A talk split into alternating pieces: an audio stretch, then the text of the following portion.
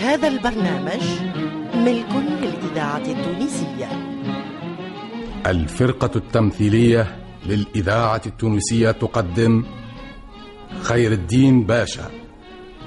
مسلسل إذاعي من تأليف علي دب. وإخراج محمد المختار لوزير.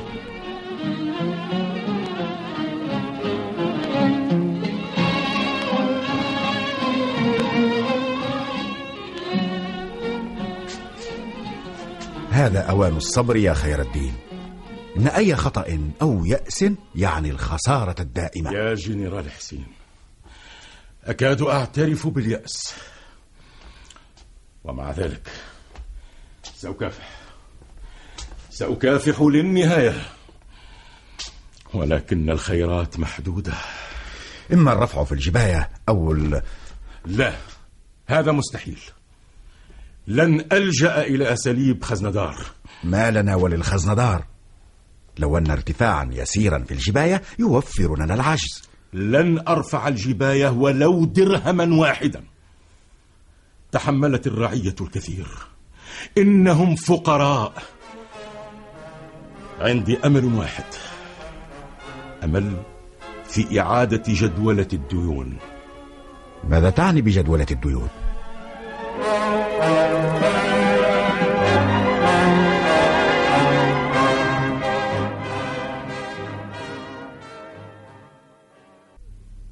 جدولة الديون يا سيد دوشان معناه أن ندفع في سنوات الجفاف أقل مما كنا ندفع في سنوات الصابة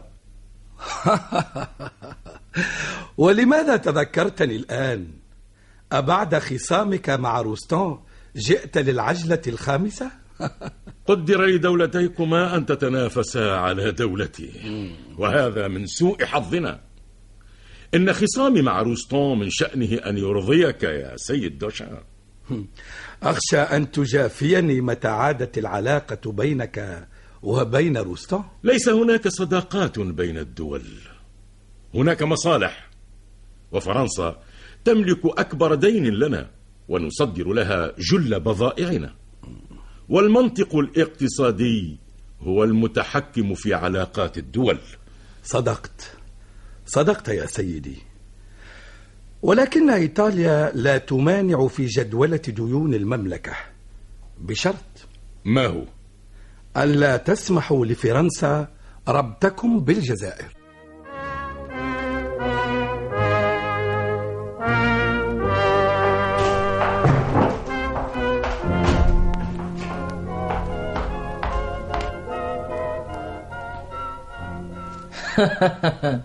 جئت تحذرني يا بن إسماعيل؟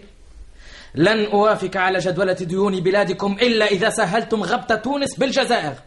الآن اطمأن قلبي وهذه نهاية خير الدين.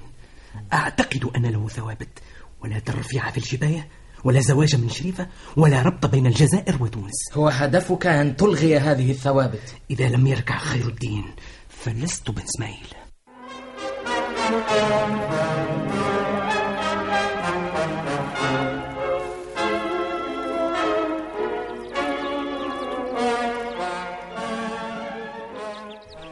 أيتها الأميرة بلغني أنك قديرة على إنقاذ أبي مما يتخبط فيه أهو الذي أرسلك إلي؟ إنما جئت من تلقاء نفسي فإذا كنت تملكين حلا الإذاعة التونسية الحل بيد خير الدين. الذاكرة الحية. إذا تقدم خطوة جريت خطوتين. أبي يشكو من سلوك بن إسماعيل وهل يعول عليك؟ سأنفي بن إسماعيل من القصر إلى النهاية وسوف يظل خير الدين وزيرا أكبر معاش.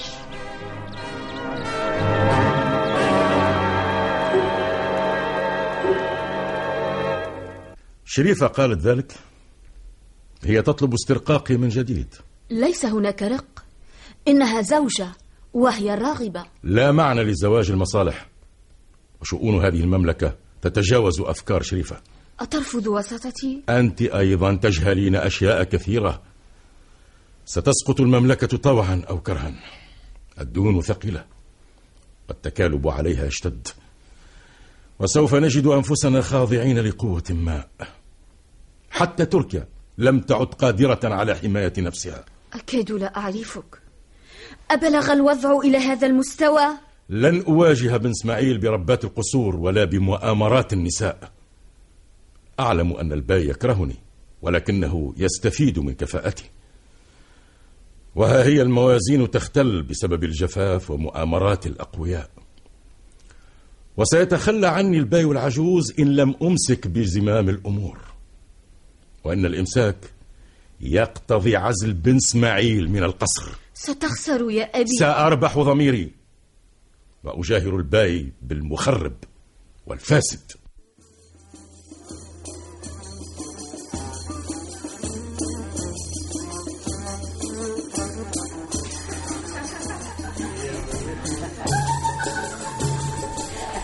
طالما سمعتكما تغتابان الواحد منكما الآخر.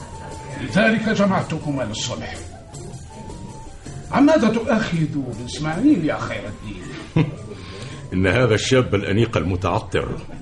أنت أدرى الناس بسلوكه.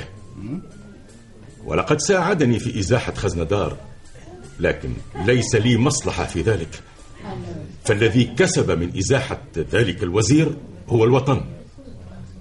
لقد ارتحنا من المؤامرات والدسائس والرشاوي. ولقد كنت أطمح إلى الكثير من الوزارة الأولى لكني كسبت البعض.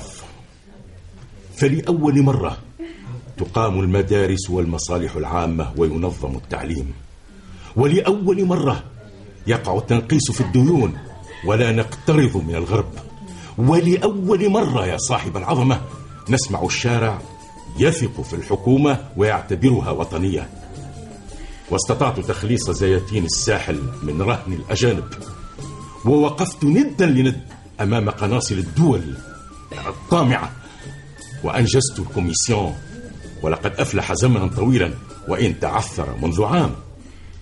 وأمكن لي محاسبة الولاة ونشر مكاسبهم في الرائد الرسمي. ولأول مرة يقع التخفيض في الضريبة وتجني الخزينة مردودا أكبر. وأنا أراهن الجميع أني لم أكسب شيئا طوال السنوات السبع وأنا على رأس الوزارة الكبرى. ومن يتهمني سرا أو علانية فليتقدم. أرجوك. وماذا فعلت لابن إسماعيل؟ حسبت كبقية الولاة أرجوك يا خير الدين. وهو مدان وليس لي مصلحة شخصية في حسابه. كما أنه حاول منذ سنوات التخطيط مع الوزير الأكبر ووقفا معا وراء حملات التشويه والدعاية ووراء الصحافة الفرنسية. وساعدهم الكثير من أبناء الإذاعة البلاد التونسية الخاسرين. الذاكرة الحية. وها هو بن إسماعيل يقف عرقلة وراء كل مسعى وكل مشروع.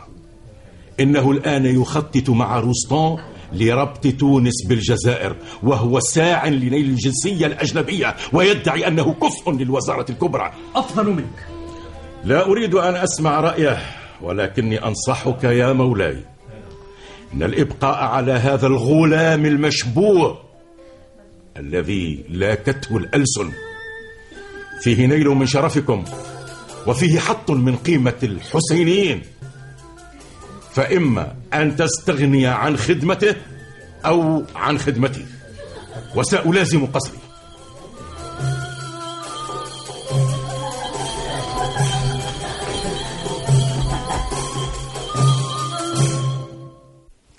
أرأيت كبرياء هذا الرجل يا شريفة؟ إنه على حق. كنت أستمع إليكم من وراء الستار. كان صريحا واضحا ومصلحا كبيرا. ورأيت بن إسماعيل وهو يتلوى كالمرأة بل كالأفعى في جحرها. إنني كامرأة من العائلة المالكة ولن أهتم بالزواج أو عدمه من خير الدين. ولكن إذا أقلت خير الدين ووليت هذا البن إسماعيل فسيعطي مملكة الآباء هدية للأجانب.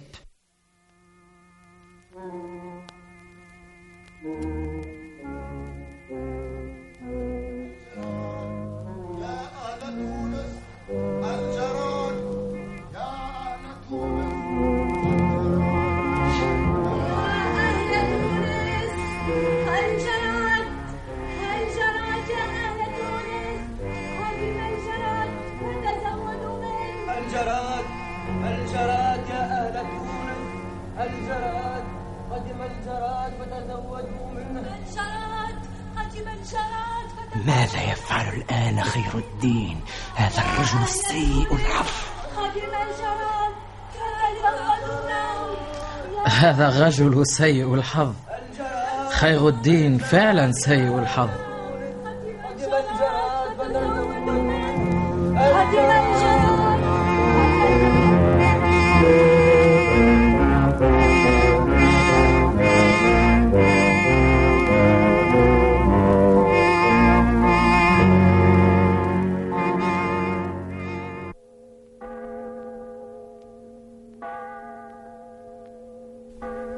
يا قمر صاحبيني في جولة عبر الحديقة. بكل سرور يا سيدي. آه، مع الأسف لم أعد سيد أحد. أنا الآن رجل عادي ومعفى من الوزارة. لن يستغني البي عنك ومهما يكن فأنت سيدي وسأبذل كل شيء في سبيل إرضائك. أشعر أني ظلمتك مرات. ومع ذلك فلا أحقد عليك. وأحب أن أعترف لك ببعض ما قمت به ضدك.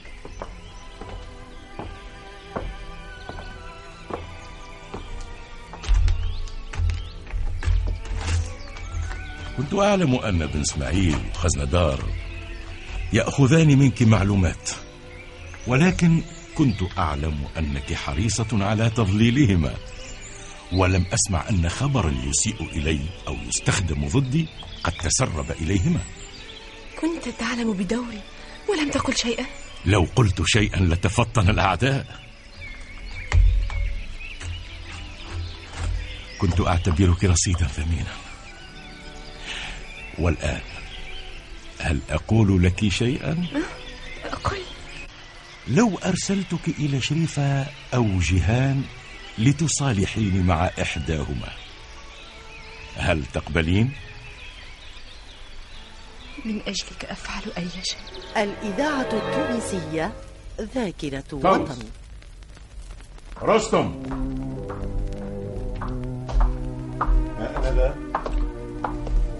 استمعا إلي جيدا. ستتدهور الأوضاع بسرعة وأنا أدعوكما للزواج الليلة. الليلة؟ الليلة وأنت في هذه الحالة؟ أنا أنا شديد الفرح ومستريح. ولقد أزحت عبئا. فإذا دعاني الباي إلى مواصلة العمل تغلبت على كل أعدائي وعدت بقوة وتصرفت حسب ما أراه. أما إذا اختار غيري فأنا مرتاح. خدمت بلادي سبع سنوات والآن حتى لا يتقول علي الناس وكي لا يشعروا أني أجري وراء العائلة المالكة وأختمها بكل ثمن فقد قررت أن أتزوج الليلة تتزوج؟ الليلة؟ سنتزوج كلنا الليلة سنفرح وحدنا قبل أن يتفطن إلينا الأعداء. لقد اخترت قمر الزمان.